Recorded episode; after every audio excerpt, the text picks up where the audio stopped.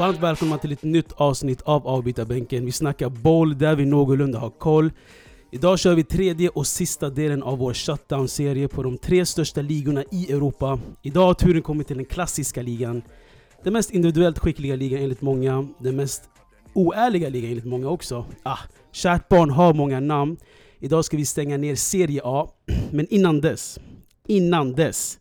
Ni vet själva, we had to bring him back till ett Serie A-avslut. Min vapendragare, Mr Nerazzurri, Limi Pratore, Arjen Robben släpper aldrig bollen. Även han har kärt många, många namn. Men framförallt, välkommen tillbaka min broder Mohammed Abbas. Tack så jättemycket, jätteskönt att vara tillbaka och jättefint eh, eh, eh, Intro, ha? intro, jätte, Yes, jättefint intro. Nästan så att jag blir rörd. Ja, kul att ha dig här. Eh, men kom ihåg bara att hålla micken lite närmare. Ja, det var ett tag eh, sedan. ja, så- lite ringrostig, jag förstår det, jag förstår det. Hur känns det? Hur mår du? Jo det är bara bra tack, hur mår ni själva? Det är lugnt. Ja, och vi- eh, exakt som ni hör också i bakgrunden har jag med mig Taha och eh, Mustafa. Kom staj. Jajamensan, det är nice att vara tillbaka här i studion. Eh, solen skiner. Eh, Likaså ser jag och Champions League-platserna. Eh, en väldigt intressant kamp där. Det ska bli kul att snacka, speciellt med tanke på de här sista omgångarna. Ja, det har varit eh, hetsigt nu i sista omgångarna. Inter som vanligt, eh, slutskedet de är tillbaks. Det blir intressant att se Exakt. Den här, den här säsongen var tajtare än du vet, ett par jeans när man går upp i vikt. Den, var, den, den gick inte att knäppa ihop. Alltså. Den, den var Tajtare än fashion over jeans exakt, exakt. Men eh, ska vi köra då? Då kör vi.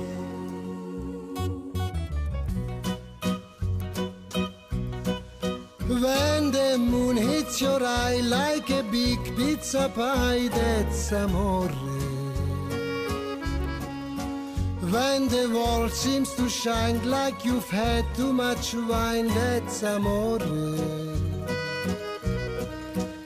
Bells will ring, ting-a-ling-a-ling, ting-a-ling-a-ling, and you'll sing Vita Bella. Nu när vi har kommit in i den här um, italienska restaurangen-modet där vi sitter på en uteservering med en kopp kaffe och ska snacka italiensk fotboll. Eh, får ni den här känslan efter den här låten eller? Ja, definitivt. Verkligen, blir Eh, sugen på en cappuccino och en croissant. Ja, kanske en eh, måltid också, en lasagne där. Ja, vi fastar ju men jag förstår det. Men eh, okej, eh, den 117 säsongen av Serie A avslutades i helgen. Juventus tog sin åttonde raka scudetto. Den 36-årige Fabio Quagliarella visade att åldern är bara en siffra och vann skytteligan med sina 26 mål. Cristiano parkerade på en fjärde plats med sina 21 nätade. Det blev ett spännande avslut för Champions League-platserna in i de sista minuterna. Det vände fram och tillbaka så fort något av lagen gjorde mål eller släppte in. Men till slut så slutade tabellen så här. Juventus kom etta med sina 90 poäng, Napoli två med 79.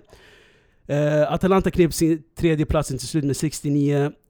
Fyra kom Inter med samma poäng. Milan kom femma på en Europa League-plats. Eh, sexa kom Roma, kval till Europa League-plats med 66 poäng. Sjua kom Torino och åtta kom Lazio som direkt eh, kvalade sig till eh, Europa League-plats på grund av eh, cupvinsten mot eh, Atalanta. Och de tre nedflyttade lagen var Empoli, Frosinone och eh, Chievo.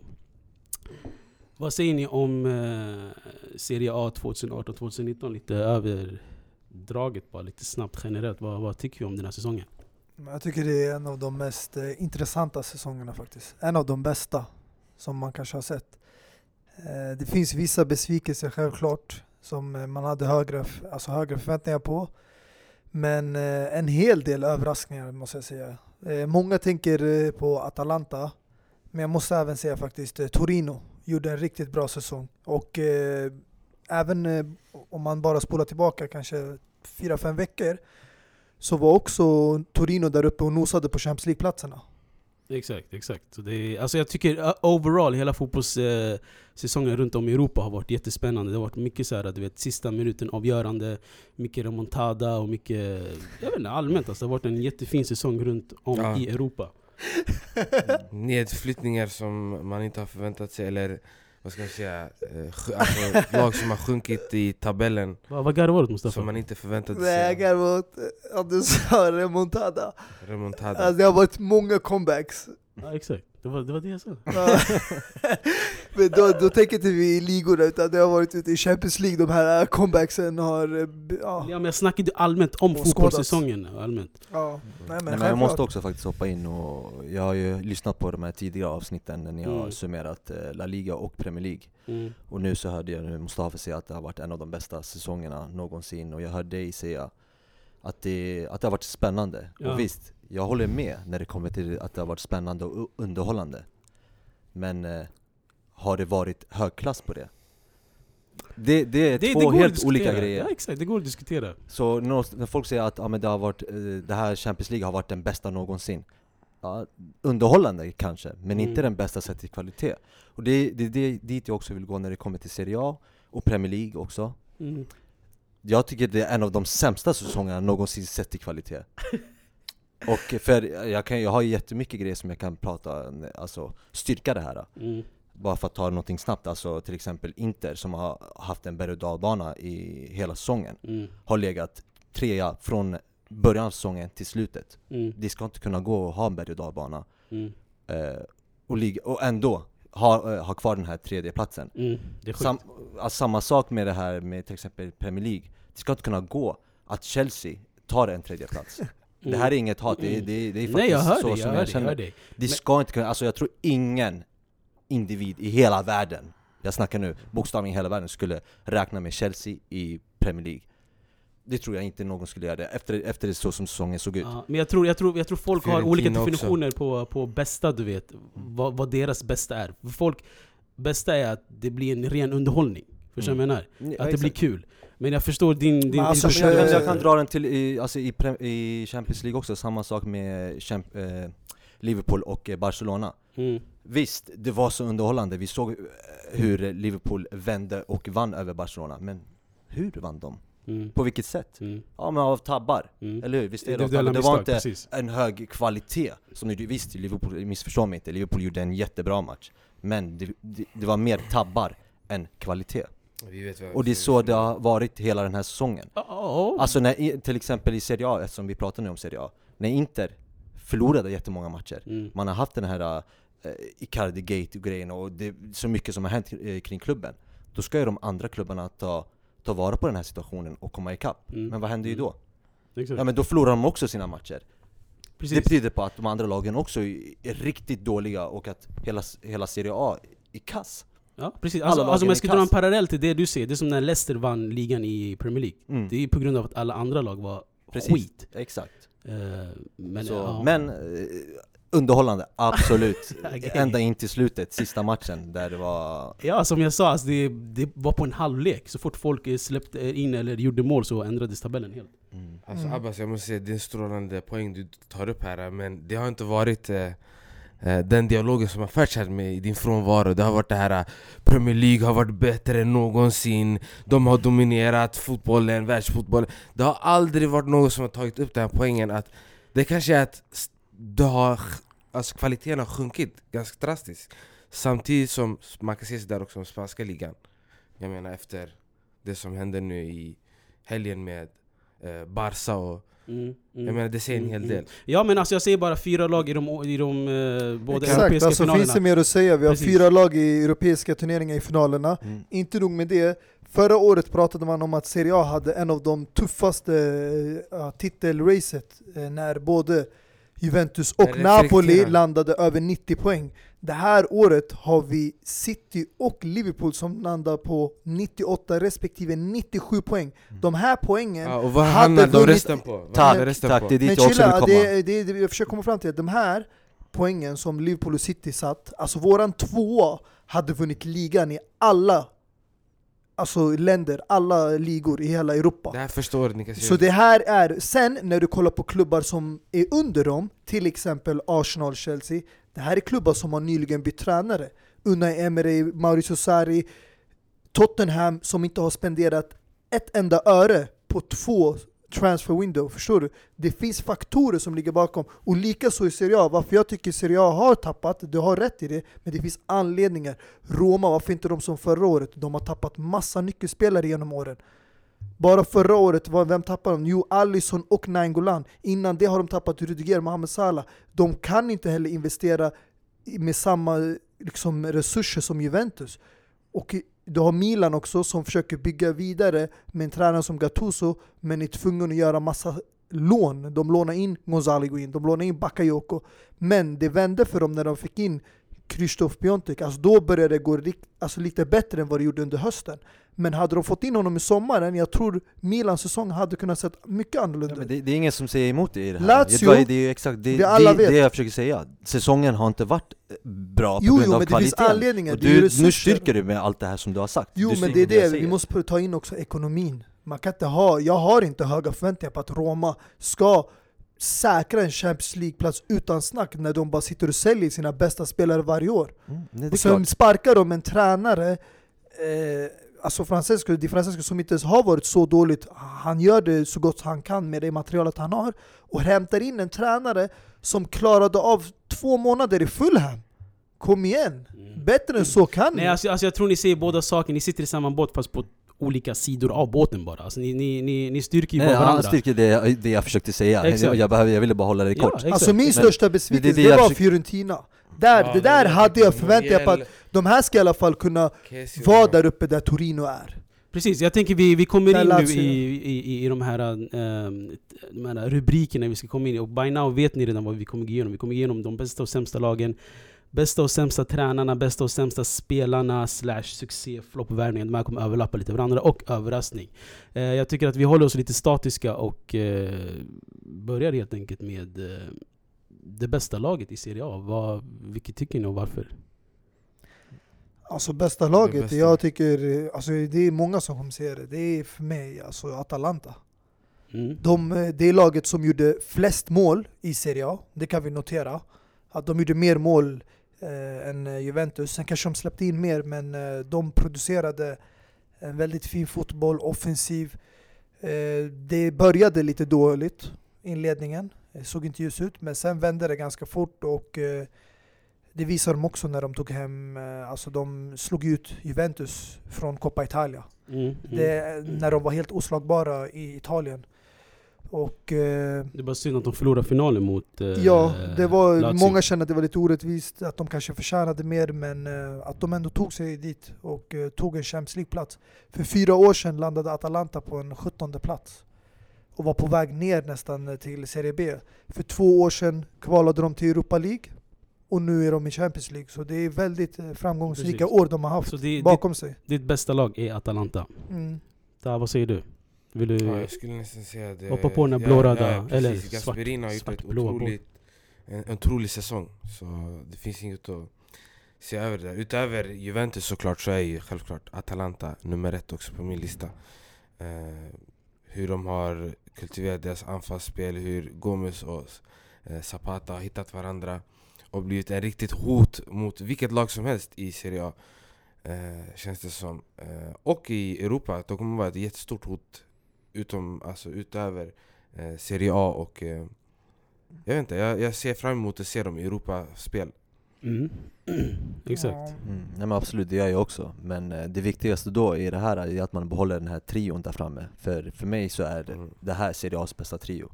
Zapata, Gomes och Ilicic. Och Ilicic, precis. Mm. För de, alltså, det, det, ja, det är ett sjukt, eh, en sjuk trio som har gjort, eh, som alla lag, alla backar är liksom rädda för. Och, eh, men det är, inte, alltså det är inte bara därför jag tycker att Atalanta har varit det bästa laget i Serie A.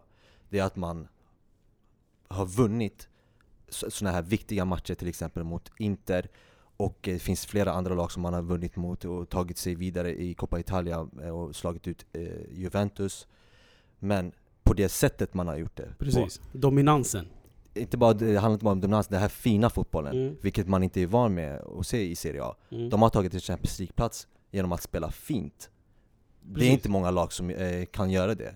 Torino var på väg att kunna, eh, som var också eh, på väg att ta Champions League-plats. Men de som hade då gjort det på ett fult sätt. Mm. Alltså, ibland spelar defensiv och kontrad. För mig Mm. är det då ett Mm. fult sätt. Mm. Eh, Men det gör inte Atalanta, de spelar fin fotboll och att- attraktiv fotboll och gör många mål som Mustafa nämnde precis. Mm.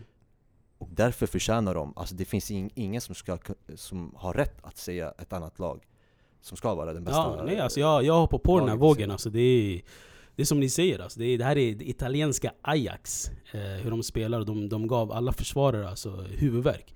Mm. Och de, eh, de hamnar ju faktiskt på en fjärde plats år 2017, men då var det ingen direkt Champions League-plats. det var ju, då hamnade de till Europa League. Men eh, alltså, det har kommit namnkunniga spelare från Atalanta tidigare. Vi snackar Montelivo, Pazzini, Tacrinari, den gamla Juventus-legenden, Inzaghi, Christian Vieri. Eh, så alltså, Atalanta har varit alltså, en, en, ett stabilt lag i Italien och eh, det är kul att se de här framgångarna. Det också, och det roliga, år 2017 när de eh, kom på en fjärde plats så hade man spelare som eh, Caldara, Conti, Gagliardini och Chiesa som alla har lämnat till de här eh, Milan-lagen. Så jag hoppas på att de behåller de här spelarna nu för att eh, kunna, du vet, alltså eh, vara ett motstånd i Champions League helt enkelt. Alltså man, man har ju nu eh, förlängt kontraktet på Gasperini, så man, han kommer ju då vara kvar i Atalanta nästa säsong. Mm. Eh, men jag har ju läst från Sky att eh, Ilicic och eh, Kasta, Kastanain, Kastain, Ja. vad han heter om man uttalar hans namn, ska vara klara för Napoli. ja. Eh, och det är ju inte något bra för Atalanta om de lämnar för Napoli. För då stärker de då en rival.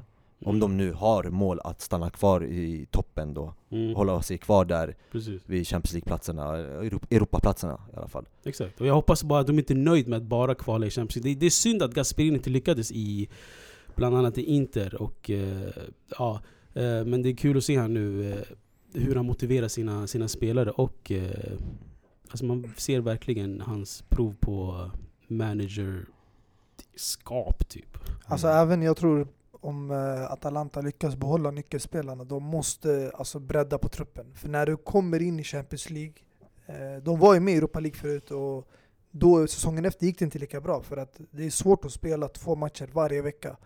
Och det kommer bli även tufft för deras startelva för de kommer bli slitna, de kommer dra på sig skador om de inte har en bredd på trupp. De måste kunna rotera i ligan. De kan inte lägga ut samma elva som man gör när man bara spelar alltså, i inhemska ligan. Så det är det. Problemet är ju ekonomin. Har de resursen att kunna behålla, förlänga kontrakten för att folk kommer vilja ha högre lön eller ja, ja, om de ska kunna stanna kvar och inte lämna till ett lag med större ambitioner. Eller så måste de också hämta in nya spelare som är villiga också att sitta lite på bänk och rotera.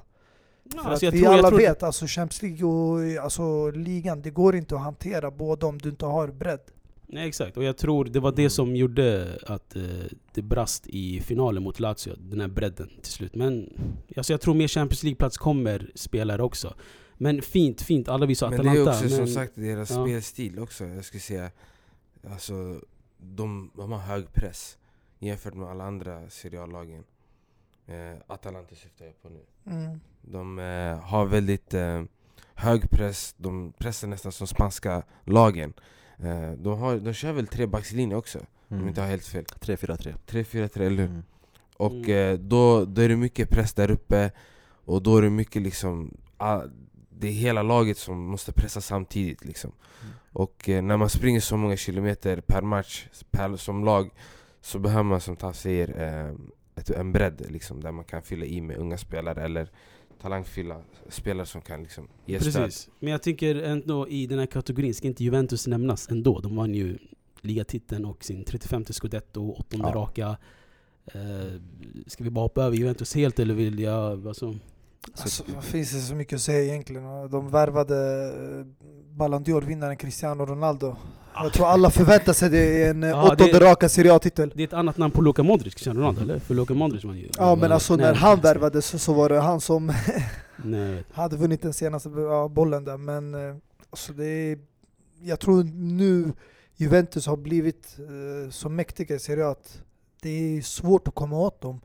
Man måste investera grovt och eh, ja, verkligen eh, matcha deras värvningar om du ska kunna mäta det med dem. Det är annars svårt. Det är väldigt svårt att komma upp till deras nivå. Precis, precis. Vad tycker ni om Moise Keane då? Som har Ja, han är, han är, han är, han är swag. fram. Alltså, han är swag all over him. Alltså, det, är, det, är, det är fint att se, men det är, det är jättesynd att han har... eh, åkt på de här rasistgrejerna eh, på honom och att, att hans egna spelare inte ens backade honom, det var, det var lite synd. Och det här med hans farsa vill ha sina traktorer. det, är, men Moiskin är en jättefin spelare och det är, det är kul att se att han har lyckats. Um, men jag tänker på, um, um, om vi går till de här lite dystra lagen då. Uh, sämsta lagen i Serie A. Mm. Eller det sämsta laget. Jag vet inte om vi alla har är- samma. Tyvärr är det ju ditt lag, Viola-laget. Mm. De har, alltså, de har många bra spelare. Alltså om man kollar på deras trupp ändå. Eh, De hämtade in några spelare också men eh, jag vet inte varför det har gått så dåligt för dem. Och sen att man gav jobbet tillbaka till Montella, där hängde inte jag heller med. För att eh, alltså, alltså med de spelarna och de kvaliteter de har i det offensiva, man vill nu spela en offensiv fotboll. Mm. De mm, hämtar mm. Montella som är ganska defensiv. Bara senaste, vad är det, fem, sex matcher hade de bara gjort typ två mål. Alltså det var ens riktigt dålig vinst med statistik. Fiorentina? Jag tror bara han har tagit en vinst eller max två. Ja. Mm, alltså han, hade, han hade 13 raka vinstfria matcher i rad. Alltså det, är, det är helt sjukt. Mm. Och även trots att man har spelare som eh, alltså underbadet Chiesa, Benassi, Diego Simones grabb Giovanni eh, och succélånet Luis Miriel så, så gick det inte vägen. Det, alltså de, var, de var nära en nedflyttningsplats sista matcherna, eller sista matchen till och med. Mm. Eh, och Mm. i, fjol, som, eh, i fjol kom de åtta och några år innan så, kom, så kvalade de till Europa. Så det är, det är jättesjukt. Ja, nej men alltså jag håller med att eh, Fiorentina bör vara det sämsta laget i Serie A. Mm. Men det finns även ett annat lag som jag önskar eh, hade åkt ner till Serie B, för det är ett lag som inte hör hemma i Serie A. Och det är ju Genoa. För det är en klubb som var bra under ja, men början av 2000-talet upp till eh, 2010. Sen efter det så har de bara, alltså de har alltid varit en säljande klubb. De säljer alltid sina bästa spelare, men de gör det Alltså de gör det ganska smart och de gör det i rätt tillfälle och tar in någon annan som kan axla den rollen. Men nu så har de bara spårat, spårat ut helt. Alltså de har ju, får till exempel det här med eh, Piontek. De fick ju in honom. Han gör en, alltså han gör en mega succé. Han, har- han har inte spelat ens sex månader och de säljer honom direkt till eh, Milan. Men alltså jag tror inte de har något val. Alltså jag tror inte spelare vill stanna kvar och spela för Genoa om, om, om ett storlag Milan kommer och knacka på dörren. Vem har inget val? Det är spelaren som inte har något Ja, val. det är klubben som ska, eh, som får, eh, Men som det ska där, jag bestämma. tror det är också, alltså spelarna har ju inte ett val också. De Alltså, har de inget har ju val, någonting att de Om de vill lämna då kan de ju, alltså vissa spelare kan ju begära transfer request, andra kan ju börja strejka och sånt. Men jag tror anledningen till de där försäljningarna är på grund av också relationen. Precis, det är det Genoa har Det bra en- relation till Milan, vissa klubbar har bra relationer mellan varandra. Så kommer man överens om en bra summa, man hjälper, Mm. hjälps åt. Så enkelt. Men de gör ju det hela, gång på gång hela tiden, och det är ju dumt De eh, tänker ju på av pengar, det är ekonomi. Det är ju dumt av sportchefen, alltså han har precis kommit sex månader och man säljer honom direkt för 35 miljoner. Du kan ju ha kvar honom. Hade man haft kvar Piontek till exempel så skulle man inte varit i den här sits, eh, sitsen som de är i nu. Att eh, ha klarat med ett kryss i sista matchen för att kunna stanna kvar i Serie A. Precis, Mm. samma poäng som Empoli faktiskt. Och hade, jag tror att, alltså med största sannolikhet så hade ju Piontek fortsatt Kanske inte på så många mål som han gjorde i hösten, men han hade fortsatt göra mål. Och då hade man med 100% säkerhet kunnat sålt honom för minst dubbla Och nu säger jag minst dubbla Ja, ja, alltså 70-80 där någonstans. Ja, så många som eh, är ute efter Alltså, anfallare Du ville med andra ord att Milan skulle vara, att det skulle göra Och- ont i plånboken för dem att köpa Piontek Alltså Och- det är upprört för. Ja, och som en klubb, vill inte du sälja utomlands? Alltså det är ju mer pengar att hämta utomlands. Du säljer den till United, eller som kanske säljer Lukaku, du kan ta in Piontek. Du vet, de, de betalar ju mer pengar, och så, får, så stärker du inte heller dina rivaler. Rivaler, visst, Genoa kanske inte är rival med Milan och de här, men du vill ju bli bättre för varje år, du vill inte sjunka för varje Ja år. men vi känner till Serie A, Serie A är en incestliga. Det är Inter och Milan, bara där har det, har det, har det, har det gått typ tvåsiffrigt. Alltså många spelare har gått emellan Milan och Inter. Alltså Men det, det- är som är det- två rivaler. Så det säger bara hela kulturen i Serie A att det, alltså det känns som det är en vinstdrivande, många vinstdrivande klubbar i Nej Serie men A. alltså det är det, jag gillar ändå det. Alltså, på ett sätt, alltså, i du Italien, dina- i dina Serie A, klubbarna hjälps åt. I Premier League, det är tvärtom. Alltså säljer du utanför England, priset blir lägre, men kommer City och ska köpa Kyle Walker från Tottenham, eller vi ska köpa Fernand Torres från Liverpool, Chelsea, det de maxar priset när de säljer till rivaler. När du säljer inne i ligan, de, de vet att den här spelaren kommer hjälpa dem, så vi måste tjäna så mycket som det bara går. Mm, Men nej, säljer man ja. utanför, då man är villig att kanske sälja lite billigare. I Italien, det är tvärtom. Nej, det är inte Lyssna, det, du de vet, i- de vet klubbar i England och Spanien har mycket större plånböcker. Så de kan öppna upp och splasha pengarna. Men Italien, alla vet, det är lite dåligt ekonomiskt. Men ändå väljer man att hjälpas åt. Man säljer, Roma säljer Nainggolan till Inter. Eh, förut fick man eh, Goran Pandev. Man säljer vidare, ma, alltså Inter och Milan, hur mycket har de Pandev. switchat spelare mellan varandra? Genom Nej, åren? Du, du, har, du har fel faktiskt där, jag pratade om småklubbarna just nu Det är därför jag tog Även upp Genoa och småklubbarna. Milan Nu Nej. den här, vad heter han, eh, Roma. Ja, jag pratade om småklubbarna Roma de värvade Zanioli från Inter. De hämtade, vad heter han, den här spelaren från Atalanta? Eh, mittfältet. Alltså, Vart- det, vart hur som helst, vi pratar om, du, du pratar just nu om, små, eh, om, smålagen som säljer till, eh, till de här bättre lagen. Men din jämförelse var ju nyss till exempel Chelsea, Torres, den Mm. övergången. Vad var det? Det var mellan två storklubbar. När Men du pratar även storklubbar, du kommer aldrig kunna se Tottenham, jag ser inte dem som Det- stor men jag ska bara förklara för dig, du, du, du, du sa att det var tvärtom i Italien, det är inte alls så, det är exakt samma sak Icardi, vi kan ju ta det bästa exemplet med Icardi. Han har 110 eh, eh, som klausul. Mm. men den här är bara giltig utomlands. Hade Juventus velat, velat ha Icardi, då hade de cashat eh, alltså riktigt stora pengar. Så det här, det, det, det handlar bara om de här mindre klubbarna Som Genoa, och det är det jag försöker säga. Det är jävligt dumt av Genoa att göra det. Och sälja billigt till någon, till något annat Serie A-lag Exakt, Men det är alltså, bara, grejen kolla är- nu, alltså, jag kan ge ett bästa exempel med Harry Maguire. Leicester nu, alltså det här är en spelare som har haft en säsong som är bra bakom sig. Och sen han var med i VM eh, 2018 och gjorde ett helt okej mästerskap med England. Men innan det, vem visste vem Harry Maguire var? Nu de vill ha 60-70 miljoner pund, samma prisklass som Van Dijk. Kolla på Van Dijk när Southampton, är det en eh, toppklubb? Nej det är en liten klubb. Sålde världens dyraste mittback till Liverpool. Det är priser som inte är rimliga bara för att man säljer till en klubb inom England. Ja, nej, alltså jag, jag, tror, jag tror i varje liga så finns det någon, någon klubb där man, där man rånar dem. Alltså det, det, ja, Nej alltså kolla, eh, Everton är inte ens en toppklubb och hur mycket var de tvungna att punga ut för eh, Pickford mm, till Sunderland? Vad är det? 30-40 miljoner?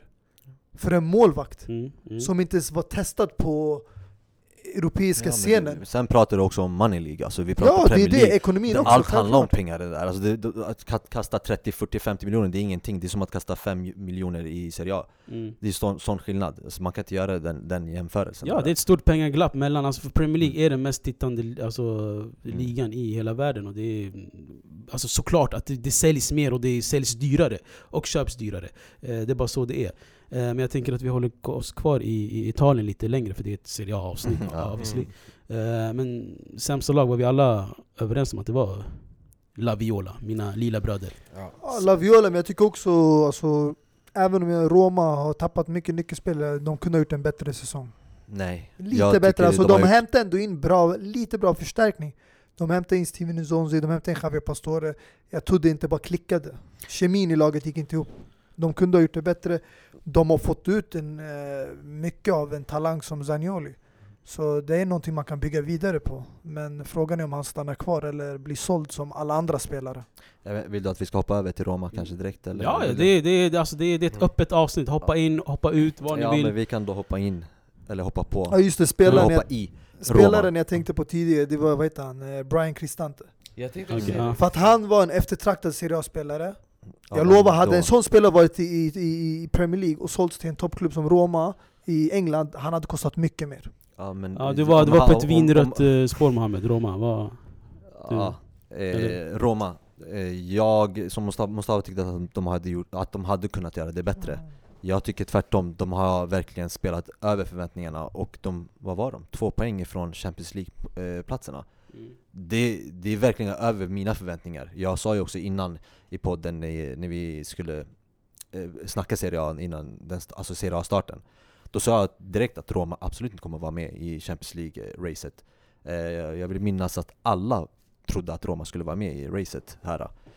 Men hur som helst, det, jag, jag, jag, känner- jag visste direkt att det går inte, du kan inte sälja Nainggolan, du kan inte sälja Strootman, du kan inte sälja alltså, dina bästa spelare år efter år och tro att du kan vara kvar på toppen Visst, de har gjort det när de sålde, ja, i Sala och de har sålt ja, vem det nu kan ha varit eh, det året också. Och de kom till eh, eh, Champions League semifinal och tog tredjeplatsen.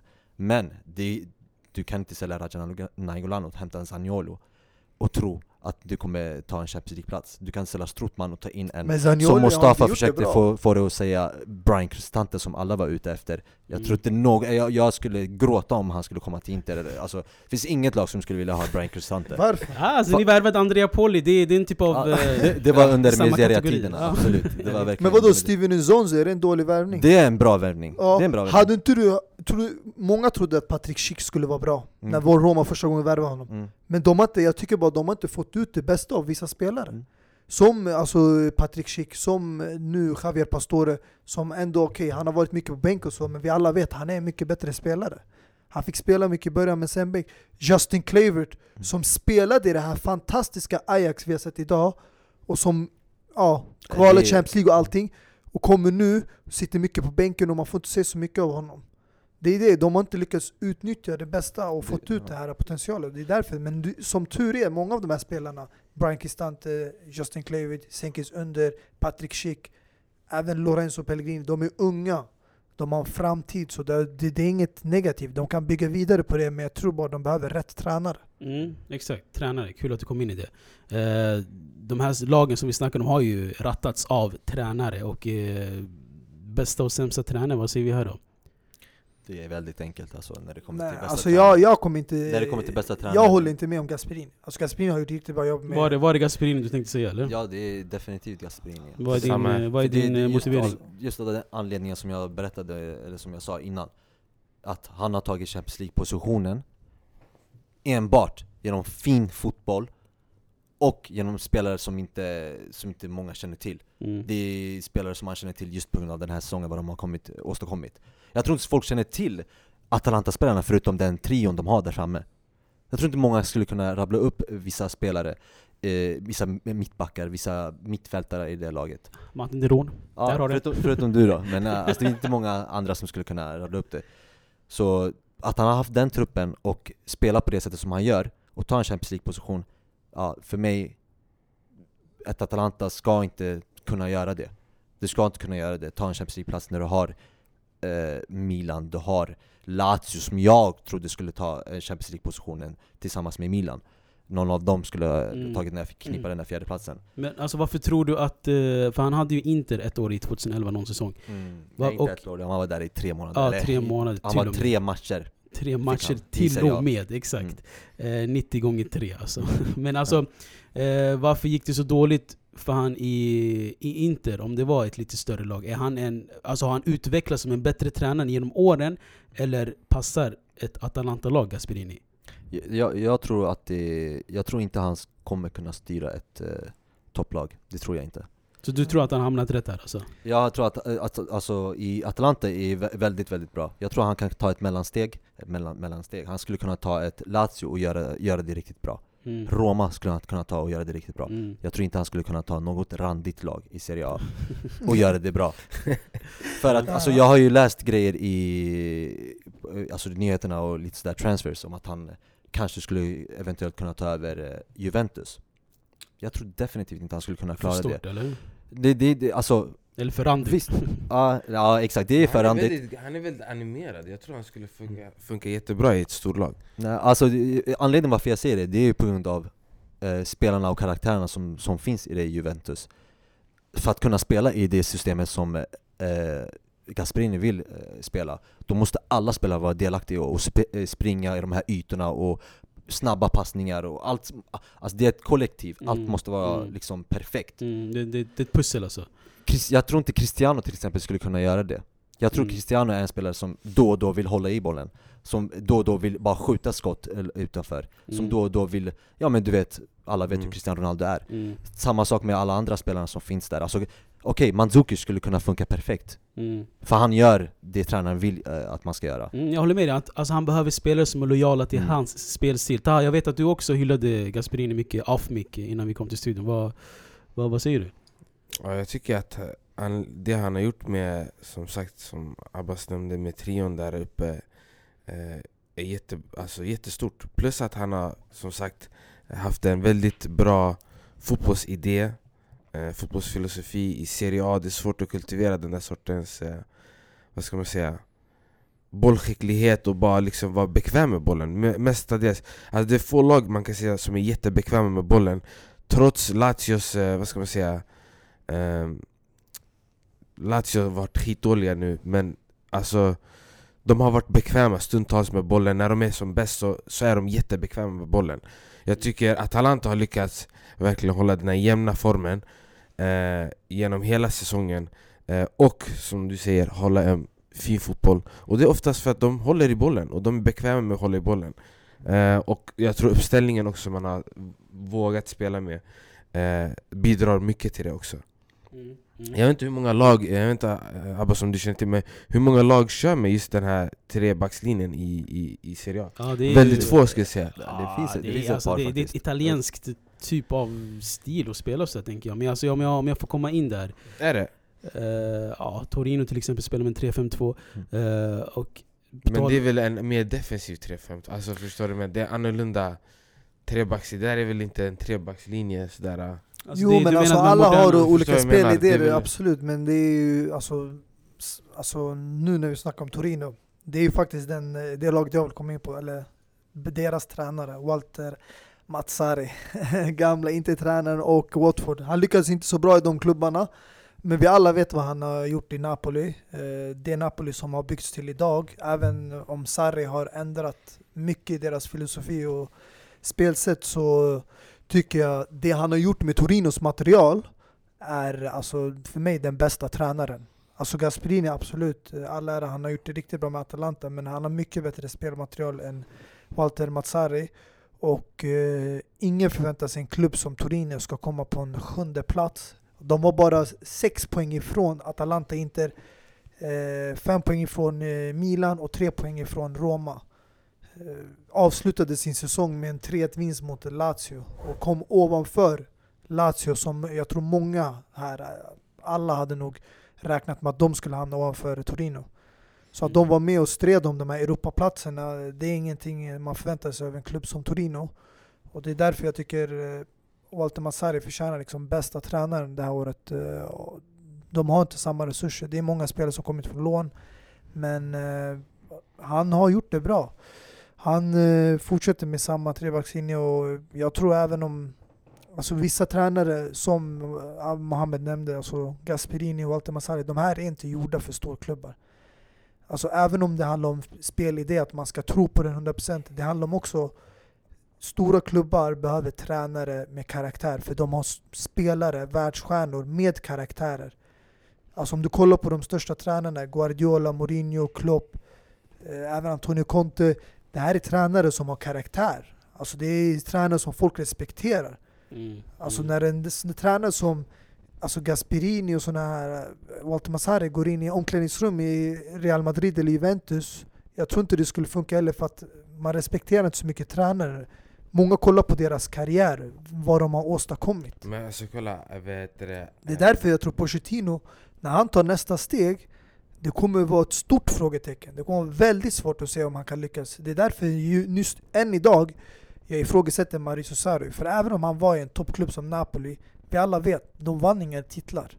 De var bara där och nosade.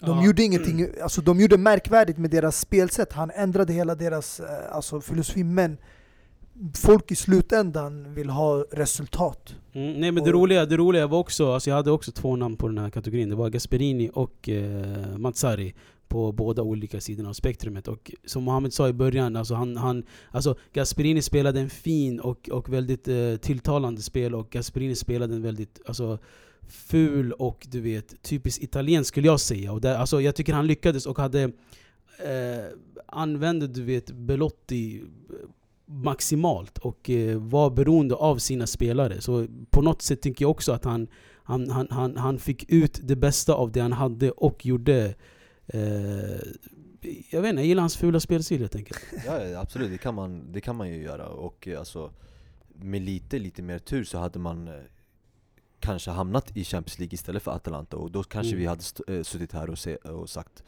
Alltså definitivt att Mazzari skulle ha varit den bästa tränaren Men i och med att Gasperini har tagit den här Champions League-platsen Så det, det, får, det landar mer på Gasperini än eh, Walter Mazzari Men jag håller med, det är, någon, ja, det är väl Det stannar väl någon, någon, någon, någonstans mellan de två Ja, exakt. Alltså, och vad- båda, båda har en om, eh, eh, om- historia om från eh, Allegri? Vad sa du? Tack, tack, Vad tycker vi om Allegri? Har han, har han karaktär? Som vi säger, har han det här, äh, vad ska man säga, eh, det här animerade, du vet kroppsspråket som de flesta tränarna, Conte eh, bland annat som blev nämnd här, har? Alltså, Allegri, för mig- Allegri är väldigt lugn, alltså, jag Nej. kollar, han, han kan självklart bli upprörd, det kan vilken tränare som helst bli Men jag menar på att han, ska, vi- vad, vad, vad, vad, ser vi han? Alltså, alla, många av de här tränarna som vi har nämnt nu Har vi också sagt att okej, de kanske inte kan träna ett storlag vad är, det, vad är det för kvalitet som Allegri har som... Alltså Allegri innan han kom till Juventus, han hade vunnit ligan med Milan. Där han hade redan erfarenheten bakom sig inom Serie A. Det är bara ute i Europa han inte har lyckats. Eh, nu, vi ligan. tror vi alla vet att han fick lämna för att han fick materialet, han fick spelarköpen och han lyckades ändå inte. Men han har ändå haft den här karaktären jag tycker, när han haft eh, alltså, dueller med spelare som Bonucci och Dybala och tränare som går emot och liksom har sådana alltså, diskussioner och ställer upp sig mot spelare, det visar på karaktär. Att de låter sig inte bossas runt som vissa andra tränare har gjort. Nu vill inte jag nämna några klubbar men vi alla vet det finns vissa klubbar med spelare som är mäktigare än tränaren. Eh, Så man måste ha en tränare som vet, liksom sätter ner foten. Och det har Allegri gjort med sådana spelare i Juventus. Men sen tyvärr, hans, eh, ja, hans spelstil funkar inte i Europa. Eh, Han kom till två finaler, det får inte vi glömma bort. Mm. Men ja, förlorade mot de bästa lagen. Så det, det har varit nära hårstrået men tyvärr, alltså nu fyra, vad är det, fem år i Serie A va? Med, så i eh, slutändan, du tror att spelaren respekterar hans status från att ha haft en titel redan Alltså du måste ändå i förstå... ryggen? Att alltså, det är därför de respekterar vad han, i, honom i omklädningsrummet, eller är det Ja, jag tror, jag tror om jag minns rätt, det här är väl första året Allegri inte vinner Coppa Italia, eller hur? För att jag tror Juventus har Mm. dominerat Mm. inhemska ligan, alltså de har vunnit, vad är det? Nej inte alla år, jag tror Lazio har vunnit eh, ett, ett år i Ja men de har vunnit, han vann typ tre raka, han vann tre raka i alla fall, eh, ligatitlar och eh, Coppa Italia. Mm. Så i Italien har han dominerat helt. Ja alltså jag håller med Taha när det kommer så här. Alltså, vi borde ju också nämna Allegri, absolut Alltså vi pratar Gasperini och Walter Mazzari men Alltså Allegri för mig är Serie A's bästa tränare Alltså trä som tränare bara, Pa- inte just pound den här för pound säsongen alltså. Ja, alltså jag, behöver, jag menar inte bara just den här säsongen eh, alltså För den här säsongen så har ju Gasperini gjort det bättre Sett till den truppen han har Allegri ska vinna med Juventus, alltså det, det laget som Juventus eh, har, det, alltså man, man, man vinner ligan eh, med det laget Men det Mustafa nämnde nyss, ja men allt det han har gjort för Juventus, han har vunnit, vad är det, sju raka va? Nej, fem raka ligatitlar, men han har vunnit typ ja, rad Coppa Italia. Mm. Ja, ja exakt, han har vunnit så mycket Alltså, och ändå så finns det vissa som Alltså som inte tycker att han är bra tränare och som tror att det finns andra tränare som kan hoppa in och göra det bättre ja, Men vart, vart, vart bärs det åt för uh, Allegri då? Var, var ska han nu? Jag vet inte, jag läste nu senast att han kommer ta ett sabbatsår men eh, Jag tror att han inte kommer vilja stanna kvar i Serie A Jag tror att han vill ta, ha ett ny, en ny experience ute i Europa Mm. Vem vet faktiskt, det, jag, det, det beror på alltså, det, vilken Ja, stor klubb Det är ju som många, klubb, eh, många klubblösa lag nu i Serie A. Fak- Magattuso lämnar ju Milan. Mm. Och eh, Ranieri kommer ju lämna sin position i Roma. Så det är många toppklubbar som kommer leta efter nya tränare. Det är mycket jobb nu som finns där ute för bland annat Antonio Conte och José Mourinho som är lediga på marknaden. Eh, Den förstnämnda är nästan klar, Klar på något för sätt. Inter, men det, då blir det en, ännu en till position öppen. Och jag hörde att de inte vill annonsera det än för att eh, Spallettis bror gick bort eh, två dagar efter, eller alltså ganska nyligen, så de, Mm. de väntar med, eh, med annon, the announcement. Men kul att du kom in i Rino Gattuso, han fick ju, han, han, han, han ehm, fick ju sparken, eller han, han lämnade i alla fall Milan.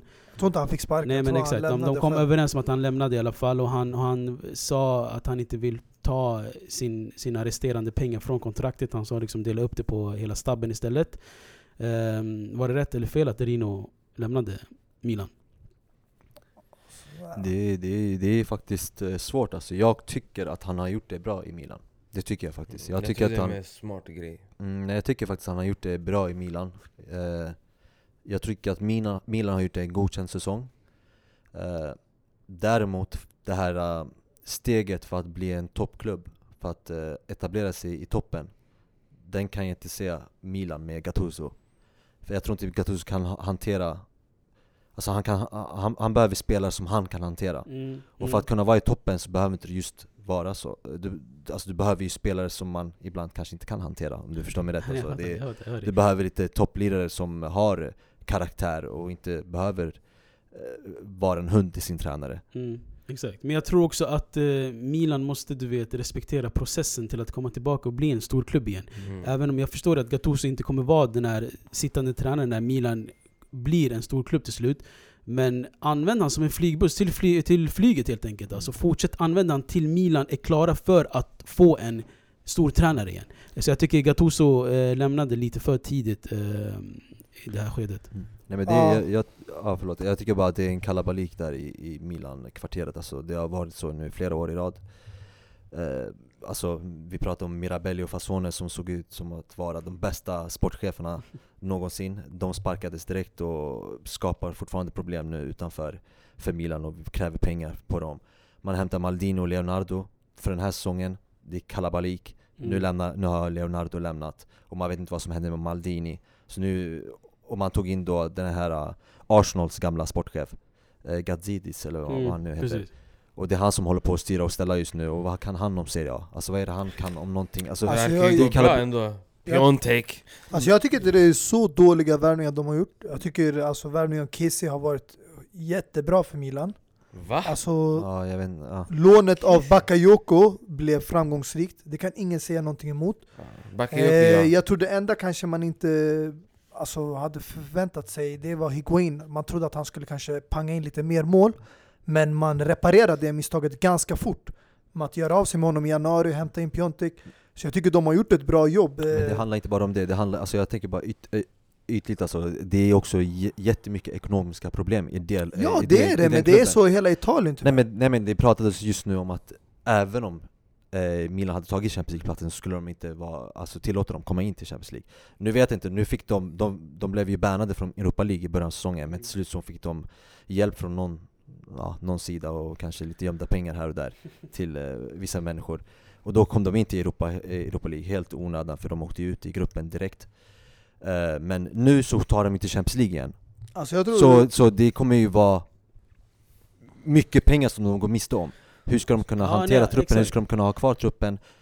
För de Ja, hade, alltså, vad grejen, de, hade, de hade en fin grej på gång, de hämtade lite gamla ikoner, Maldini som, som, som kom som en development eh, grej som det fint heter. Leonardo kom också. Så de försökte du vet, återskapa hela den här Milan-traditionen och kulturen. Det känns som att de är fast i, i det här första steget, att bygga upp du vet, att, att komma tillbaka till den här historien. Jag tycker, det kanske är hårt sagt, men de måste lämna den här Milan-historien och bygga om helt på nytt. Alltså. De måste lämna hela det här eh, Men alltså, du Eh, får inte... har gjort och bra Maldini och hela alltså. dess grej. Ja men alltså jag menar alltså för att du vet ultimata komma att alltså, bli, ett, bli en stor klubb igen. Men som jag. du säger, vad, du sa det själv, respect the process Alltså, de har kommit nu hit så här långt nu och eh, jag tror Gattuso lämnade för att av strategiska anledningar också Ja men det är det jag menar. Jag tror inte han vill ha en skitdålig säsong, jag, jag tror han är medveten om att han har haft en okej säsong Folk respekterar hans tränarkapacitet, kan han kanske ta ett nytt uppdrag nu Mm. Får han en otroligt dålig säsong med Milan säsong därpå Efter att han inte har lyckats kvalificera dem till Champions League eh, Eller Europa, eh, eller Champions League eller liksom någon form av, vad ska man säga Men det är det jag menar, alltså, grejen de respekterar inte processen. Det, är- det har blivit ett öppet hus, folk kommer in och ut, in och ut, in och Men ut. du Alltså, måste det, ändå förstå måste bli stabilare är, i, i stabben. det här är en klubb som har satsat på väldigt många unga spelare. Alltså om du kollar ut på deras elva som oftast brukar, eh, alltså de som startar.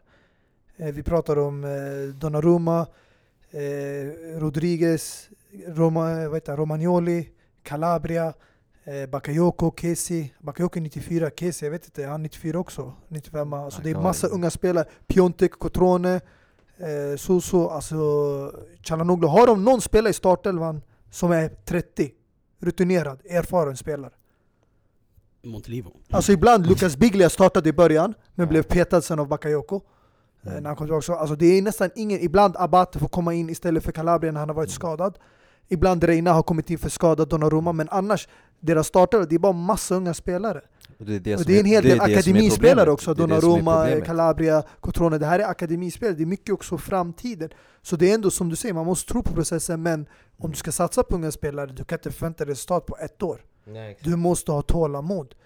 Och Det här är därför... ett bra steg, eller hur? Det här är ändå ett bra steg in i rätt riktning. Ja, exakt. Så Men det var ingen rätt Jag- riktning att sparka Gattuso tycker jag och, och bli av med Leonardo. Jag Alltså jag tror inte han blev sparkad. jag tror han... Alltså många säger att han kanske blev sparkad bakom kulissen, men jag tror att han själv var missnöjd. ja. Jag tror hans Ja. själv egna mål var att ta en Champions League-plats, ja, och han kände att han misslyckade, och han vill inte fortsätta, han vill liksom igen, det här är respektera. Gattuso, det- han blöder i Milan. Okej, alltså, ja, men för att, för att han stänga... tog inte ens para, det säger en hel del. Han bara skit i, jag har inte ens haft pengarna. Men för att stänga det här tränarsegmentet bara lite snabbt. Eh, vi har sagt våra bästa tränare och vi har sagt, nu ska vi se våra sämsta tränare. Om jag får börja här. Eh, jag måste ge det till min eh, bro bro Pippo Inzaghi, alltså, som tog över Bologna i Serie A. Men efter 21 omgångar parkerade laget på en 18 plats med 14 poäng. Så Bologna gav han sparken och hämtade in eh, Sinisa Mihailovic från en eh, gammal Milan-tränare till en annan. Och det gick helt okej, de hamnade på en tionde plats slut. Men min sämsta tränare är ändå Pippo Inzaghi. Mm. Absolut. Ja. Det, Ni, jag, jag tror att du hade något annat namn som en sämsta tränare, eller? Sämsta tränaren måste ju vara... Ska jag säga Fiorentinas Ja, tränare. min alltså, det är Montella alltså. Alltså Zlatan. även om det gick Montella eller Pioli? Nej, alltså jag tycker Pioli, även om han blev sparkad, jag tycker han var i samma sits för mig som Di Francesco. Alltså de kunde ha fått förtroende att avsluta en säsong och jag tror de hade gjort det bättre än nuvarande tränare Ranieri och Montella. Alltså Montella, som du sa, var det 13 raka matcher utan vinst. Det går inte med ett lag som Fiorentina. Alltså innan, även om Pioli gjorde ett dåligt jobb Eh, och hade lite svajigt, han slog ändå ut Roma med 7-1 i Coppa Italia. Alltså när du producerar sådana där siffror och, sån där offensiv fotboll, då ska du ändå få chansen att avsluta en säsong. Det handlar om bara att ibland har man formsvackor. Det gäller att liksom vara tålmodig och vänta ut de här eh, ja, dåliga perioderna. Men det är tyvärr, alltså den moderna fotbollen, folk är desperata. De har inget tålamod. Mm. Det är Men- resultat på en gång. Det är... Men ska vi säga att de här storarna sitter eh, eh, Pippo Inzaghi och Fiorentina-tränarna? Ja, Om ni inte vill tillägga någonting. Ja. nej, Men vi, nej, det finns faktiskt inte så mycket på tränars, Ja. tränarfront. men vi, vi kör en bumper på det här och kommer tillbaka med eh, spelarna då.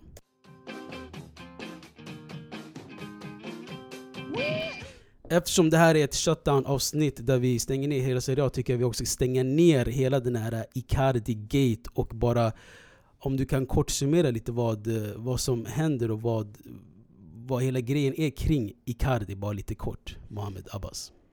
hur situationen uppstod menar du? Ja, precis. Mm. precis. Alltså, nu när jag, alltså, vi måste ju också förstå att eh, tidningar skriver jätte, jättemycket och än idag så vet vi inte exakt vad som har skett. Men det som vi har sett och det som vi vet det är att, eh, som så att det var en, ja, flera matcher så, så har Icardis fru eh, Wanda då, hon är ju med i ett program som eh, efter, efter 23.00 eller efter, ja, efter 12 på Mm. natten så Mm. sänder de det programmet, heter Tiki Taka Så går de igenom ja, med spelarna och matcher och all, allt möjligt eh, brukar de prata om och hon är ju då där eh, och eh, brukar alltid prata då om sin man då, Icardi. Och har då vid flertal tillfällen sågat Interspelarna, hans lagkamrater då. Eh, Bland annat Perisic som, eh, som hon mest har sågat i och med att han Hon menar då att han vägrar passa honom. Och inte bara han då, hon, hon säger att hade Icardi haft bättre lagspelare, teammates, så skulle han gjort så, så mycket bättre ifrån sig de har, alltså såna här grejer, i, och med uttåget från Champions League, i och med allt det här För under den här perioden så gjorde Icardi alla mål, han, var ju, han, han gjorde ju allting Mm.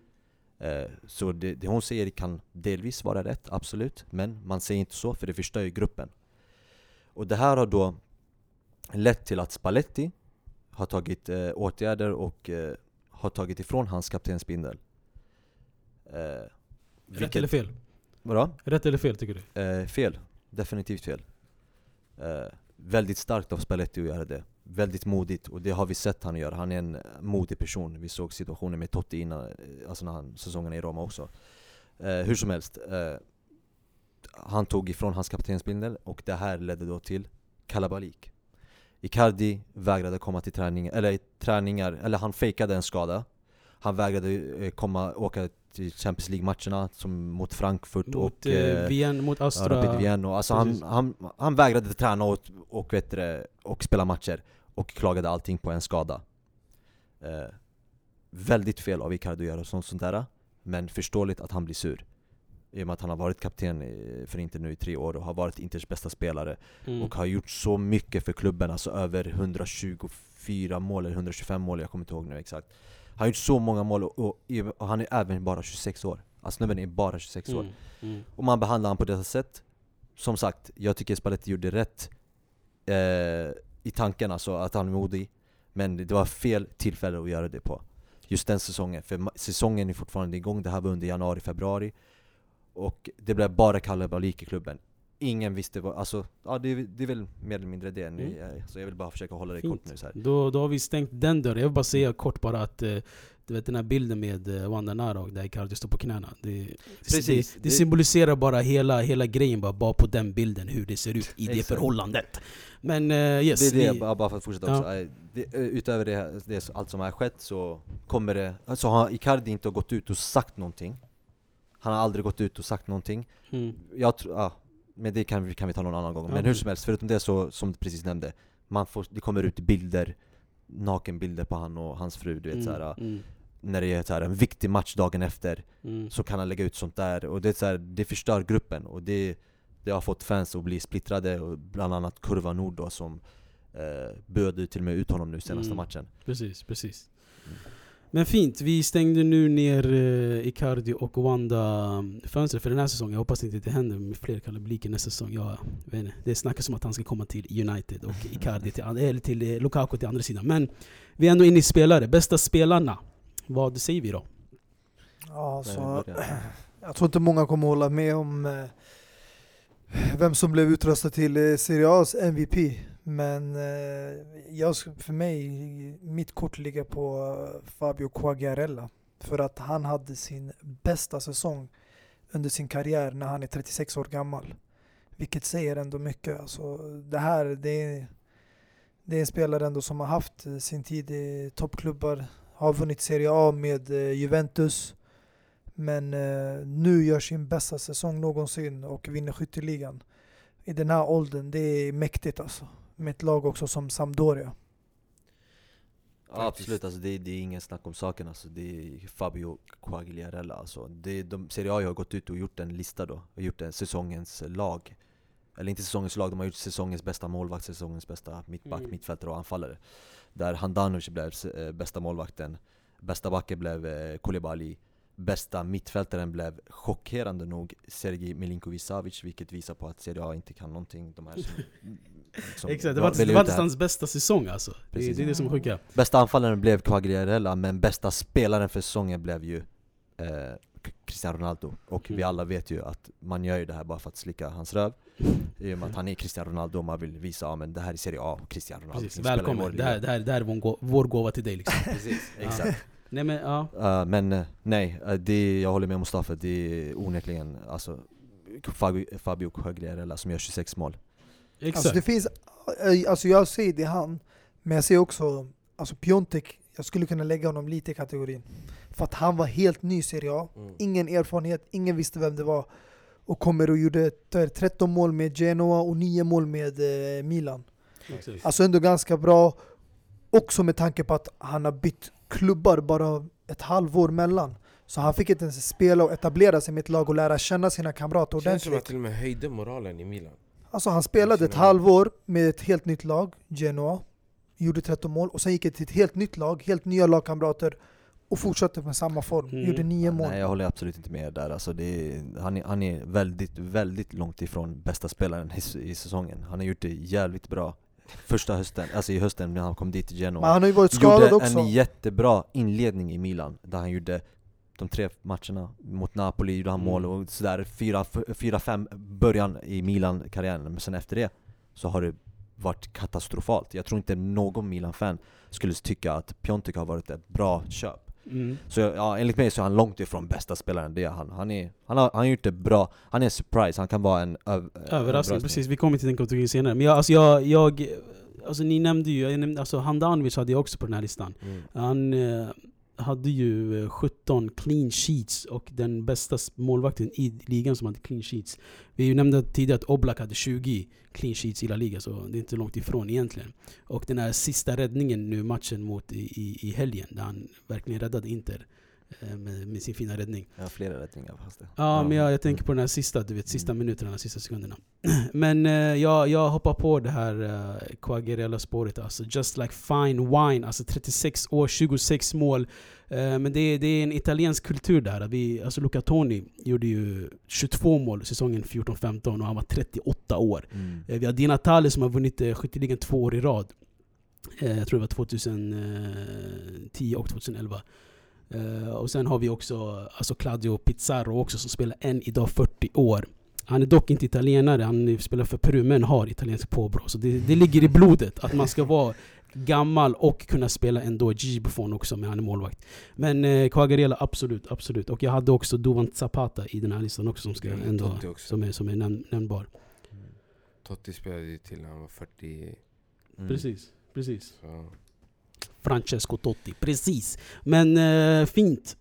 Jag tycker vi, vi slår ihop de här kategorierna, liksom. Alltså årets, alltså, årets floppvärvning och årets alltså, dåliga spelare. Vänta, jag har inte sagt också, jag skulle nog också hålla med om eh, Quagliarella. Jag tror vi alla är, håller med om Quagliarella är eh, årets säsongs bästa spelare. Sen så skulle jag säga Duvan Zapata, Mm. kan ju lätt också hamna i den konversationen. Definitivt. Eh, Dario Gomez också. Papu Mm. Gomez. Ja. Papu Ja. Gomez. Men det är hans Det- jag vet, jag smeknamn, jag tror. jag ja. vet, jag vet. Mm. Exakt, men eh, så definitivt. Mm. Det- Jag tror han också har varit en bra ledare för Atalanta. Exakt, exakt. Eh, och eh, jag skulle också säga, säga att efter skulle jag sätta han faktiskt. Mm. Mm. Nej, det, är bra, det är bra namn alla ni nämner. Alltså. så jag, nu nämner vi också bara anfallare märker jag. Alltså, det finns flera spelare som man också Alltså kan nämna. Handanovic självklart. Alltså, Handanovic- Handanovic Handanovic är i allas lista. Ja, Ja. sen finns det också backar alltså, som eh, Koulibaly tycker jag ska, vara, eh, ska, ska man nämna också. Jag tycker Mm. att han har varit, riktigt bra. Alltså det behöver inte alltid vara, man brukar alltid fastna i det här att Men det tyvärr, är en det är- anfallare exakt. och så som blir den bästa spelaren. Precis, det är, man, vad brukar man säga? Den minsta hunden skäller högst. Det är, anfallarna, det är, det är de som skäller högst liksom. De, må, de pangar in mål och det är de man kommer ihåg. Men eh, snyggt. Fina namn. Eh, men som sagt, jag tycker vi, vi slår ihop de här uh, kategorin lite. Årets floppvärvning slash årets floppspelare. Mm. Vilka, vilka Vad har ska ni vi där? börja med? Ja, jag ska börja med de, Flopp eller succé? de floppen. Alltså Ja, vi kör på flopp floppvärvningarna då, så det skulle nog säga balans. definitivt nummer ett kommer ju Higuain. Mm, helt rätt. Higuain är nummer ett där, utan snack. Och sen har vi, Jag ser inte det som en där jättevärvning, men ja, absolut. Han var bara där ett halvår, lån. exakt. Ja, det är, det är en värvning. Ja, jag skiter Det i om en var där en, en dag eller, en dag eller sex nu. Vi månader. pratar med spelare som kommer från Men det är ändå en Juventus. spelare som blev offrad av Juventus av en anledning. För att man trodde inte längre på honom. Alltså vi måste ju också tänka på... Alltså, Han hade tappat det. Det märkte man sista året med Juventus. Han spelade Det en hel säsong med en ölmage och sen från ingenstans, de bara tappade förhoppet för honom när han inte hade en mage plötsligt. Det var så som att när han blev smal, de bara nej vet du vad, vi, vi gillar inte dig längre. Vi, jag vet inte, det, det känns som målen fanns i den där lilla ölmagen, förstår du vad jag menar? Nej, men vi, har, alltså vi pratar om Higuain, han, den historien han har i Serie A. Han har vunnit eh, skytteligan med 36 gjorda mål och eh, har varit en eh, riktigt bra träna, eh, spelare i, i Napoli. Och även i Juventus kom han dit och vann ligan tillsammans med dem och har gjort 16 mål. Eh, hamnar, jag vet inte nu om han hamnade över 20 plus på första säsongen. Men han har varit, det, det är Higuain vi pratar om. Just Jo, då världens, en av världens bästa anfallare, det är ingen snack om saken. Han kommer till Milan, jag menar vi hade ju en eh, vår, vår eh, goda vän Aymen som var här och eh, körde avsnittet, ser avsnittet Mm, Ni hör, Vi alla här hörde ju honom, när han, hur glad han var när han Mm. alltid mm. tog upp eh, Milan och sa men nu har vi en, någon annan spelare, vi har Pipita! Sa han hela tiden. Exakt. Och, jag, och jag kommer ihåg också att han att ändrade sin, eh, sitt tröjnamn på, eh, på Fifa till El Pepita. Så Precis, det- och ni, hörde, ni hör, ser ju hur, eh, alltså hör Jo, Milan-fansen hur alltså, glada de En var. klubb som alltså Milan, eller förlåt Inter också, de här klubbarna som har varit frånvarande för Champions League kommer nu nyligen tillbaka eller vill komma tillbaka. När de får sådana här värvningar för dem, det blir wow! De blir excited, men jag som en erfaren av en Chelsea-fan till exempel, där vi vet de här värvningarna, när han kom till Chelsea, jag visste det här är ingen bra värvning. Det här Ja, ser är du, bara säger det en- med facit i hand. alla vet, alltså, jag, kolla, vet jag nu? Juventus senast? erbjöd Chelsea att köpa loss den här spelaren. Alltså det fanns ingen chans, alla som vet det, att Chelsea kommer köpa loss en spelare direkt eller låna och köpa honom. För att alla vet, den här killen är på väg mot sitt slut. Alltså det här är bara en tillfällig lösning. Men alla vet, framtiden, vem ska satsa på det här? Det enda Milan gjorde det här, det är för att egentligen tanken var att ha honom ett år. Jag tror aldrig de hade köpt loss honom. Jag tror de ville bara få kvala till Champions League, få det jobbet gjort och sen skicka tillbaka honom och hämta in nya förstärkningar, värvningar. Men det blev bara ett halvår eftersom ja, han levde inte upp till de, deras förväntningar, Milan-fansen. Men alltså jag som eh, fan, alltså när jag kollar, alla kan sitta och snacka hur mycket som helst om att eh, han vann ligan med Juventus, men snälla skicka vilken spelare till Juventus? Skicka Lukaku, han kommer vinna ligan med Juventus. Inget illa menat.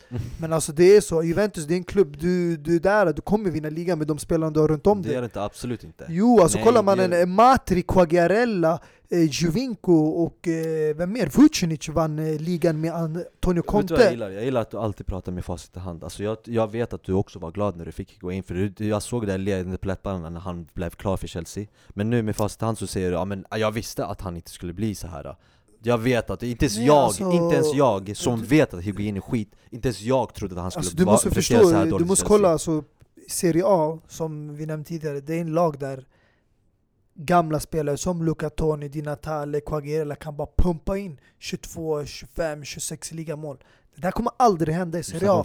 Kom Du snackar till- om spelare som inte kommer finnas i framtiden. Jo, jo, men Du de här pratar om- spelarna, absolut, de är bra, men vi måste också ha i åtanke vilken liga de spelar i. Jag vet när Higuain kommer till Premier League, det här är inte Serie A.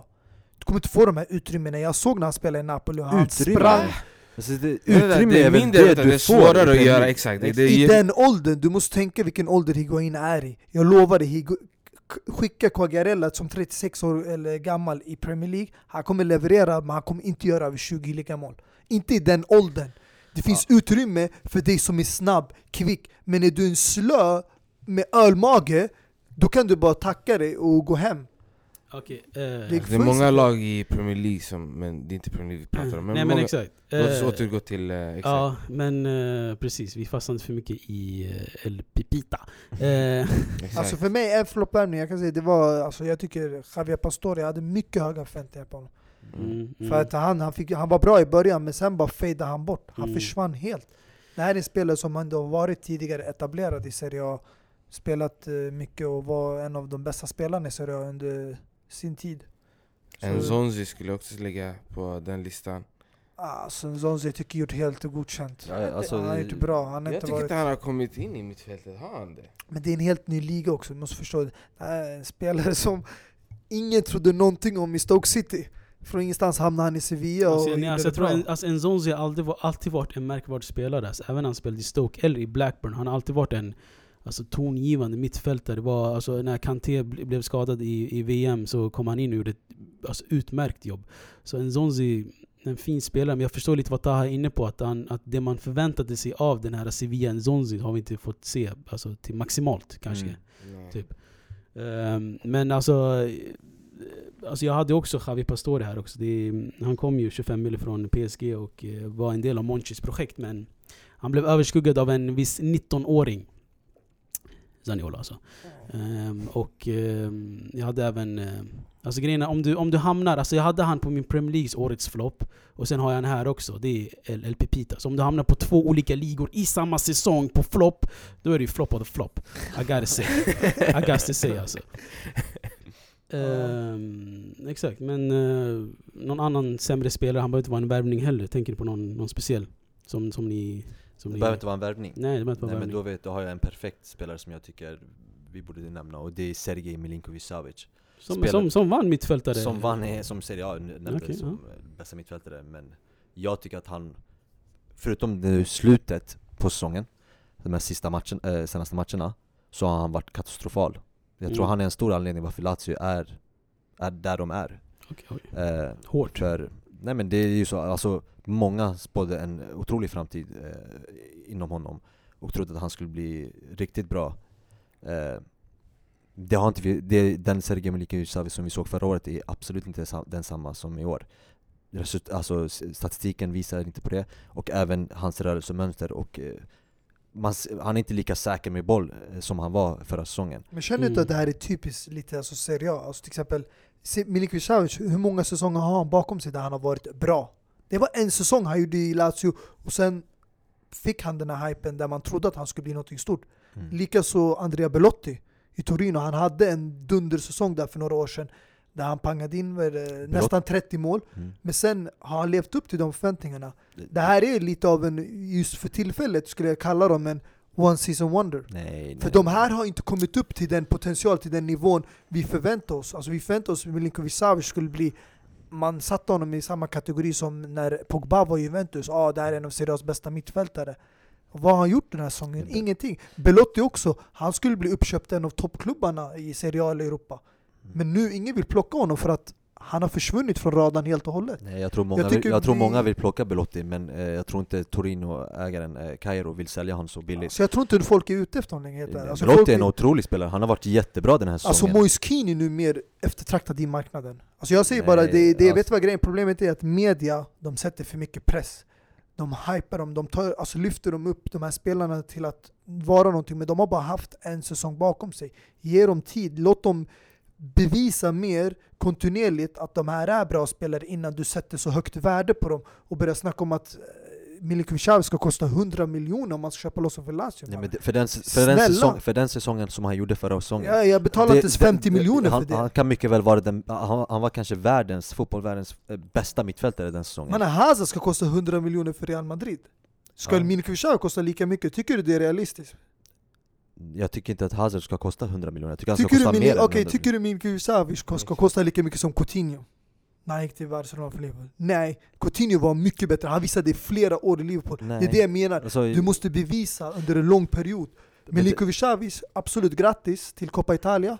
Bra mittfältare, du avslutade säsongen fint. Men jag tror inte något lag kommer pröjsa 100 miljoner Ja, för alltså honom. han, han, han, gjorde, lite dumt, jag vet inte om han inte vill, om han ville stanna men han borde ha lämnat och gått till, United som ville ha rycka i honom då? Den, den här sommaren Du tror han hade lyckats i det här United som hamnade på sjätte plats? jag, jag, jag, jag tror det skulle vara jätteintressant att se han och Pogba tillsammans med någon, kanske Fred om han, eller någon Fred har varit sämst den här säsongen, Ja, men någon det- stabil, kanske Matic precis bakom honom Jag tror det Det här hade hade, varit jätteintressant. Premier Leagues årets flopp om de hade värvat honom för 100 Nah, miljoner. alltså jag tror SMS hade fått en bättre täckning om han hade kommit till United. Täckning, Ja, ja. jätte, jätte, Täckning av jätte, Pogba, jätte- eller Pogba ska täcka upp för dem. Nej jag tänkte på SMS, alltså SMS-textad du vet och teckning. Men alltså, Skitsamma, jättedåligt nu, skämt. nu, nu, är det ju, nu, är det ju, nu har ju rykten gått och Sky tror jag har gått ut och sagt att eh, Juventus är klara med Ja. Sergej Milinkovic Savic, de har kommit överens, jag vet inte om de har inte bara kommit överens övergångssumman med Lazio Kontraktet Det- hörde jag de är överens om Ja, med honom. men eh, problemet är också med Lazio för det är jättesvårt att Mm. förhandla med, För att Juventus kommer inte betala 100 miljoner, det kan jag garantera. Det tror jag att de ska kunna göra och Alltså, de, har, att de, har, de har ju fyndat, de har ju fyndat alla de här åren så att de har råd med att panga 100 Ja, så Men eh, jag tänker också på... eh, vi har ju betat av nu alla spelare och så. mm. Eh, både de, de sämre och de eh, bättre. Vem av de bättre? Vi har inte nämnt den bästa Alltså för mig, succévärvningen. succé, alltså, succévärvning. det är- Okej, okej. Årets succé, har ni någon det där? Så det är för mig, alltså det, är- det, alltså det är många värvningar som har gjorts, överraskningar. Ja, för mig, alltså, jag nämnde tidigare Piontek, han kan också ses som en överraskning, men jag tycker också eh, Bakayoko, en spelare som var alltså, kastad ner under jorden förra året. Man trampade på honom, alltså, han var, ingen såg liksom en återkomst i den här spelaren. Har gjort det riktigt bra i Milan. Eh, Zanioli, en ung spelare, det är mer eh, en av överraskningarna. Jag tror inte någon förväntade sig att han skulle vara så här bra i Roma. Eh, och ta en startplats också i det här laget. Mm. Han har gjort det riktigt bra. Eh, sen, eh, det finns alltså spelare, det finns också vissa som jag tycker är, inte flopp, men eh, jag är lite besviken på. Det är också Joao Cancelo i Juventus, som värvades 40 miljoner, man trodde det här man pratade om att han skulle bli en av världens bästa högerbackar. Mm. Med den potential han hade och vad han hade visat tidigare i Inter och Valencia. Så det- är mycket, ja, det är mycket om, men som sagt det är svårare att leverera på stora scenen. Mm. Jag är ändå lite chockad att ni inte nämnde en spelare som eh, succévärvning här. Alltså för mig borde det väl vara självklarhet att det är Duvan Zapata som Mm. är succé. Mm. han är Alltså, köpt eller är han på lån? Han är väl på lån? Han är på lån men jag Men tror att de kommer han har köpa. köpa honom. spelat i typ tre olika klubbar de senaste fyra Mm, åren. Mm. det, fem åren? Juventus, eh, Napoli, Sampdoria, Udinese. Udinese. Atala, Udinese. Udinese Mm. och nu Atalanta. Så det är, Men han, alltså snubben, första säsongen tog, tog Napoli till, eh, eller förlåt, Atalanta till Champions League eh, Gjorde 23 gjorda mål eh, Många var väldigt viktiga mål, bland annat de här målen som han gjorde mot eh, Juventus eh, Som tog ut dem från Coppa Italia ut, ja, Väldigt fina mål också eh, Och speciellt, va- anledningen varför jag väljer honom det är att många inte trodde att han skulle bli så här bra Mm. Många, då menar inte jag mig själv, för jag visste att han skulle kanske inte prestera så här bra, men jag visste att han var en duktig spelare. Men många hade räknat, ut, eh, räknat bort honom. Eh, så ja, av den anledningen så väljer jag honom. Men det finns även en annan spelare som jag tycker är väldigt alltså, charmig och eh, alltså, man blir glad när man ser honom spela fotboll. Och väldigt eh, teknisk och väldigt bra. Och det är eh, Korea. Joaquin Korea heter han va? Mm, precis, precis, precis. I jag, jag håller med dig, det är, det, är en, det är en bra aura som utstrålar. Mm, och han, han har till, i min mening då varit Lazios bästa spelare. För han, eh, ja, väldigt viktiga mål och gör många fina assist och är den som glänser i Stadio Olimpico, Mm. enligt mig. Mm, mm, I Så- agree. Jag hade faktiskt Duvan Zapata som överraskning också men... Ja, ehm, vad tänkte jag på? Ja, ehm, överraskningar då. Alltså det här behöver inte bara vara en spelare, det kan vara någonting, någon tränare eller någon, något som... Alltså min, jag kan ju börja, min överraskning var att De Rossi lämnade så som han gjorde för Roma. Mm. Att de inte valde att förlänga med honom. Ehm, och en annan överraskning jag hade var Zaniolo. Bytet mellan, alltså att förlu Inters förlust, bytet alltså mellan Raja och jag tror, jag vet han, Santoni också i samma väg, eller hur? Mm. Eh, men Zaniolo och eh, De Rossi på olika bemärkelser blev mina överraskningar för den här säsongen.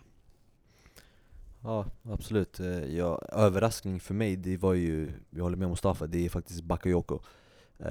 Det betyder inte att han har varit magnifik, men det betyder att han spelat över mina förväntningar. Jag trodde han skulle vara kass i Mm. Milan, men han gjorde det faktiskt bra i det laget. Eh, han rattade honom eh, bra, eh, Gattuso. Eh, och nu så kommer man ju inte köpa honom, han har ju sagt sitt eh, farväl till eh, Milan Mm. och kommer gå tillbaka till Chelsea. Så det blir intressant att se vad Chelsea kan... Eh, Han kommer ju inte vara Göran. kvar, det kan vi klart tydligt säga. Inte om Sarri är tränare. Eh, Han, kommer- han är ingen spelare jag tror som passar in i Sarris spelstil. Mm. Så han kommer med största sannolikhet bli såld. Det snackas mycket, jag inte, kanske PSG som har väldigt ont om eh, mittfältare i, där inne i mitten. Eh, Hämtade in eh, Leonardo Paredes som inte har visat sig lösa problemen i alla fall. Så kanske en återkomst till Frankrike, eh, hemlandet. Men eh, någonstans kommer han eh, gå. mm. Överraskning, vi nämnde Zaniolo, vi nämnde... Eh, Men du är inte överraskad med det här med De Rossi eller? Alltså det, jag är väldigt, alltså nej, när det kommer till... Alltså nu för tiden, jag, mär, jag märkte fl- nu för varje år som går, så jag tror klubbar börjar skita i sina legendarer. Mm. Alltså det är Mm. många som har gjort det här, alltså... Hamsik. Ja, bland, alltså bland annat, jag tyckte, ja, exakt det också men, det där var för mig överraskning. Faktiskt. Sättet hur han lämnade och det var mitt under en säsong. Men Marek Hamsik eller? Ja. Ja. Alltså det är ändå, han var inte direkt på väg mot sitt slut. Han var ändå, han, han var en startspelare. Han var inte en bänkspelare. Men valde att gå för pengarna. Men det, det, det ska gånger. inte egentligen heller vara någonting som vi är förvånade över. Alltså vi har Mm. sett det här nu flertal gånger. Alla går till eh, Kina för pengarna. Precis. Så, Benatia gick ju till också till något... Uh, var det? ja, men det där var Mm. mer en spelare som man ville bli av med. eh, Från Juventus håll. Mm. Precis. De har ju tillräckligt många mittbackar. Men eh, alltså en eh, i alla fall värvning jag hade högre förväntningar på också, det var Nainggolan.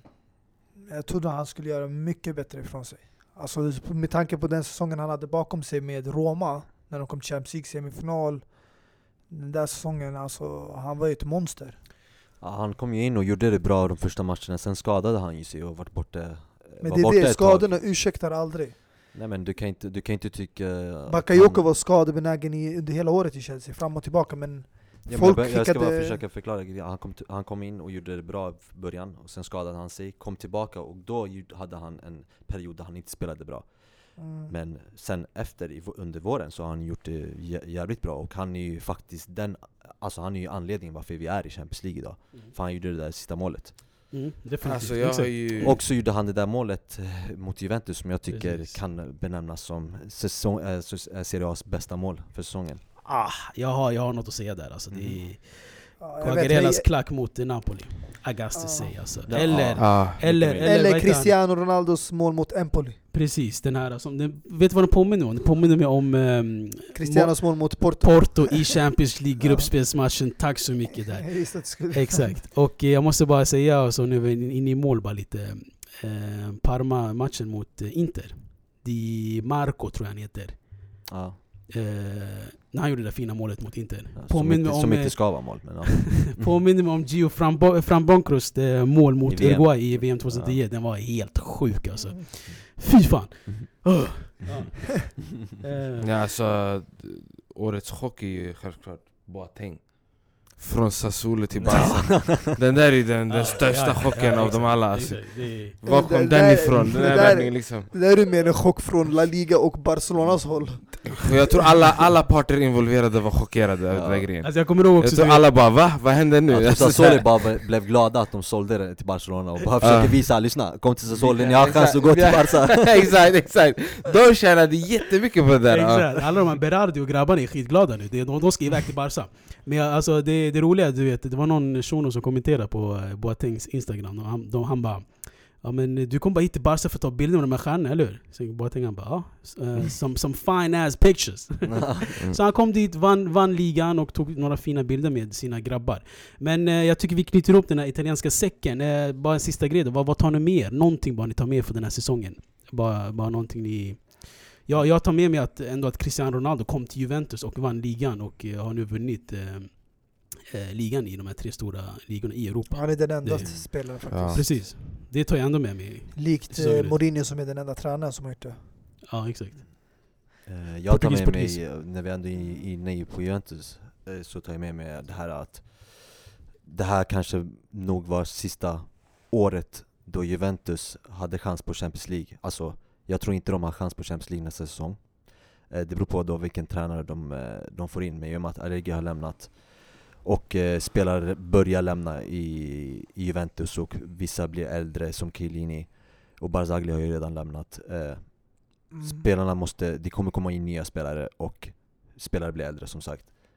Mm. Det kommer inte bli samma lag så jag tror det kommer ta ett par år Precis. Precis. Ja. för Juventus att kunna knipa den där jävla Champions, League. Enligt, enligt Niva när han var här så han, det var någon i publiken som frågade han bara, eh, hur lång tid tar det tills Juventus vinner eh, Champions League? Han bara alltså, du behöver inte vänta länge. Det är, det är innan du, börjar, du, du, du kommer bli gammal. In, innan du blir gammal. Så det är, jag tror... Jag tror också det är en tidsfråga. Men Ja. eh, det handlar också om att de kommer behöva göra lite värvningar och förstärkningar. Speciellt i försvaret, för de kommer tappa Precis. mycket gamla. Men jag tror, jag tror inte det är över helt för just Cristiano också att vinna i Juventus-tröjan en Champions League-titel. Eh, det handlar bara om att eh, han får rätt spelare runt om sig. Det är det här med... Det, här, alltså det känns som att Juventus saknade en Karim Benzema. Som eh, hjälpte honom eh, och få honom att poppa in de här målen och tog mycket ansvar utanför straffområdet. Mm. Det, det Mandzukic har ju varit skadad nu på mycket på senaste tiden. Men eh, det ska bli intressant att se Moise Kean. Men det jag ser fram emot mest det är alla tränarpositioner. För att fyra klubbar, Juventus, Roma, Milan och förmodligen Inter kommer få nya tränare. Inter är redan klart. Jag tror Inter kommer räknas som favoriter till Serie A eftersom om det är Antonio Conte som tar över. Vi alla vet vilken historia han har där när han har varit tränare. Du kan inte säga det nu just Jo, nu. nej med men alltså hans erfarenhet, har- alltså för mig, Conte är en vinnare. Det är hans mentalitet, det är hans karaktär. Alltså han kommer lyfta upp publiken. Men Jag tror publiksiffran kommer också öka för att han är som tränare. Favoriter för, för att ta Serie A? Jo, jo, men ni har ju massa bra Jag gillar, den spelare. här, jag gillar den här downplayen du gör alltså, favoriter. Det är vi, snack, vi snackar i maj 2020, kolla hur det ser ut. Men eh, med det sagt då, eh, jag tycker vi knyter ihop den här säcken. Det, det stundar ett Europa League-final as we speak 29 maj och nu på onsdag. Och på lördag är det en Champions League-final, så vi är tillbaka någonstans mellan där eller efter alla de här Europa-matcherna och summerar därefter. Eh, ciao på det här då. Ciao tutti! ciao. Ciao. e